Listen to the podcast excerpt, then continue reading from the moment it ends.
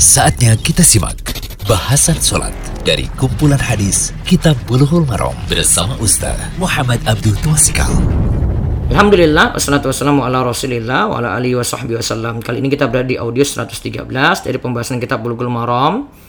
Uh, Karya Imam Ibn Hajar al-Asqalani, kitab sholat, bab sifat sholat Kita pelajari cara sujud yang diajarkan oleh Rasulullah Sallallahu Alaihi Wasallam. Hadis ke-297 Ani ibni Abbasin radhiyallahu anhuma qal qala Rasulullah sallallahu alaihi wasallam umirtu an asjuda ala sab'ati a'dhumin ala al-jabhati wa asyara bi yadi ila anfi wal yadaini wa rukbataini wa atrafil qadamaini muttafaqun alaihi.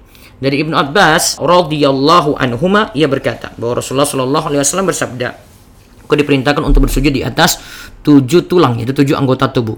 Pada dahi beliau menunjuk hidungnya, terus kedua telapak tangan, lalu kedua lutut dan kedua ujung jari kedua kaki."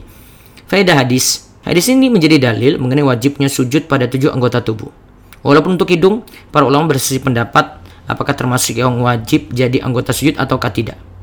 Lebih baik menempelkan hidung, walau menurut sebagian ulama menempelkan hidung tidak wajib saat sujud. Nah, untuk menjaga diri ya dari perselisihan tadi.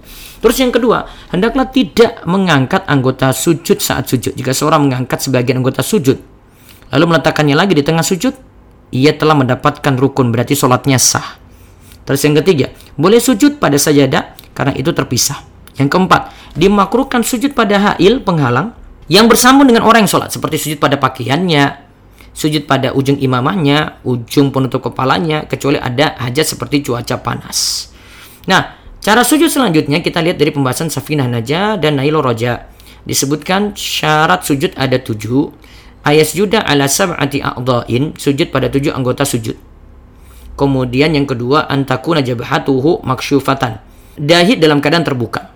Kemudian ketiga, tahamul bi ra'sihi kemudian menempelkan kepala.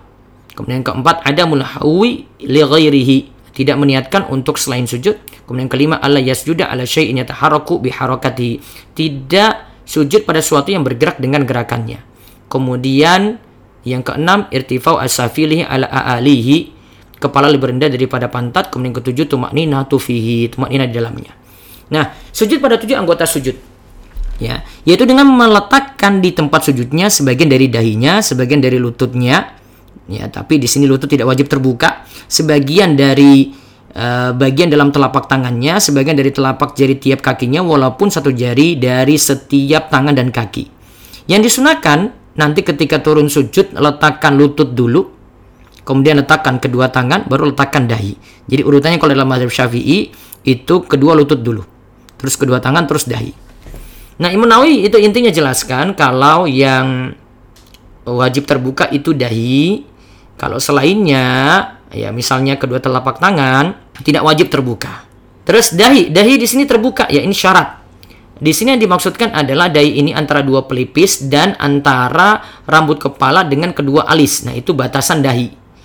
Nah, di sini disebutkan dahi ini dalam keadaan terbuka, cukup sebagian. Ya, cukup sebagian. Sebagian dahi itu terbuka.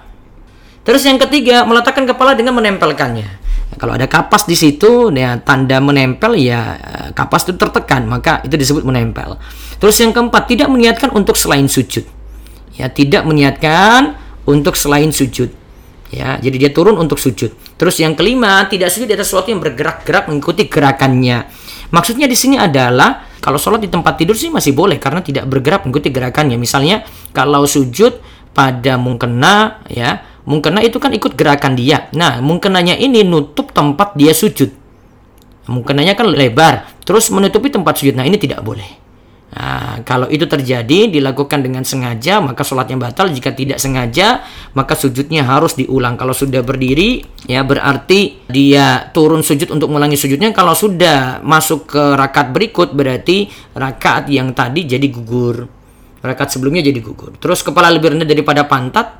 Maka kalau orang sujud di atas tangga, di tangga ya harus dipastikan kepalanya lebih rendah daripada pantatnya. Terus yang ketujuh tumak nina Adapun anggota sujud ya, secara ring, uh, ringkasnya dikatakan dalam Safinatun Najah ada tujuh jabah yaitu dahi, kemudian butun asabi il ini dua telapak tangan bagian dalam, kemudian rukbatani dua lutut, kemudian butunu asabi rijlaini, bagian dalam jari-jari kedua kaki, bagian dalam jari-jari kedua kaki.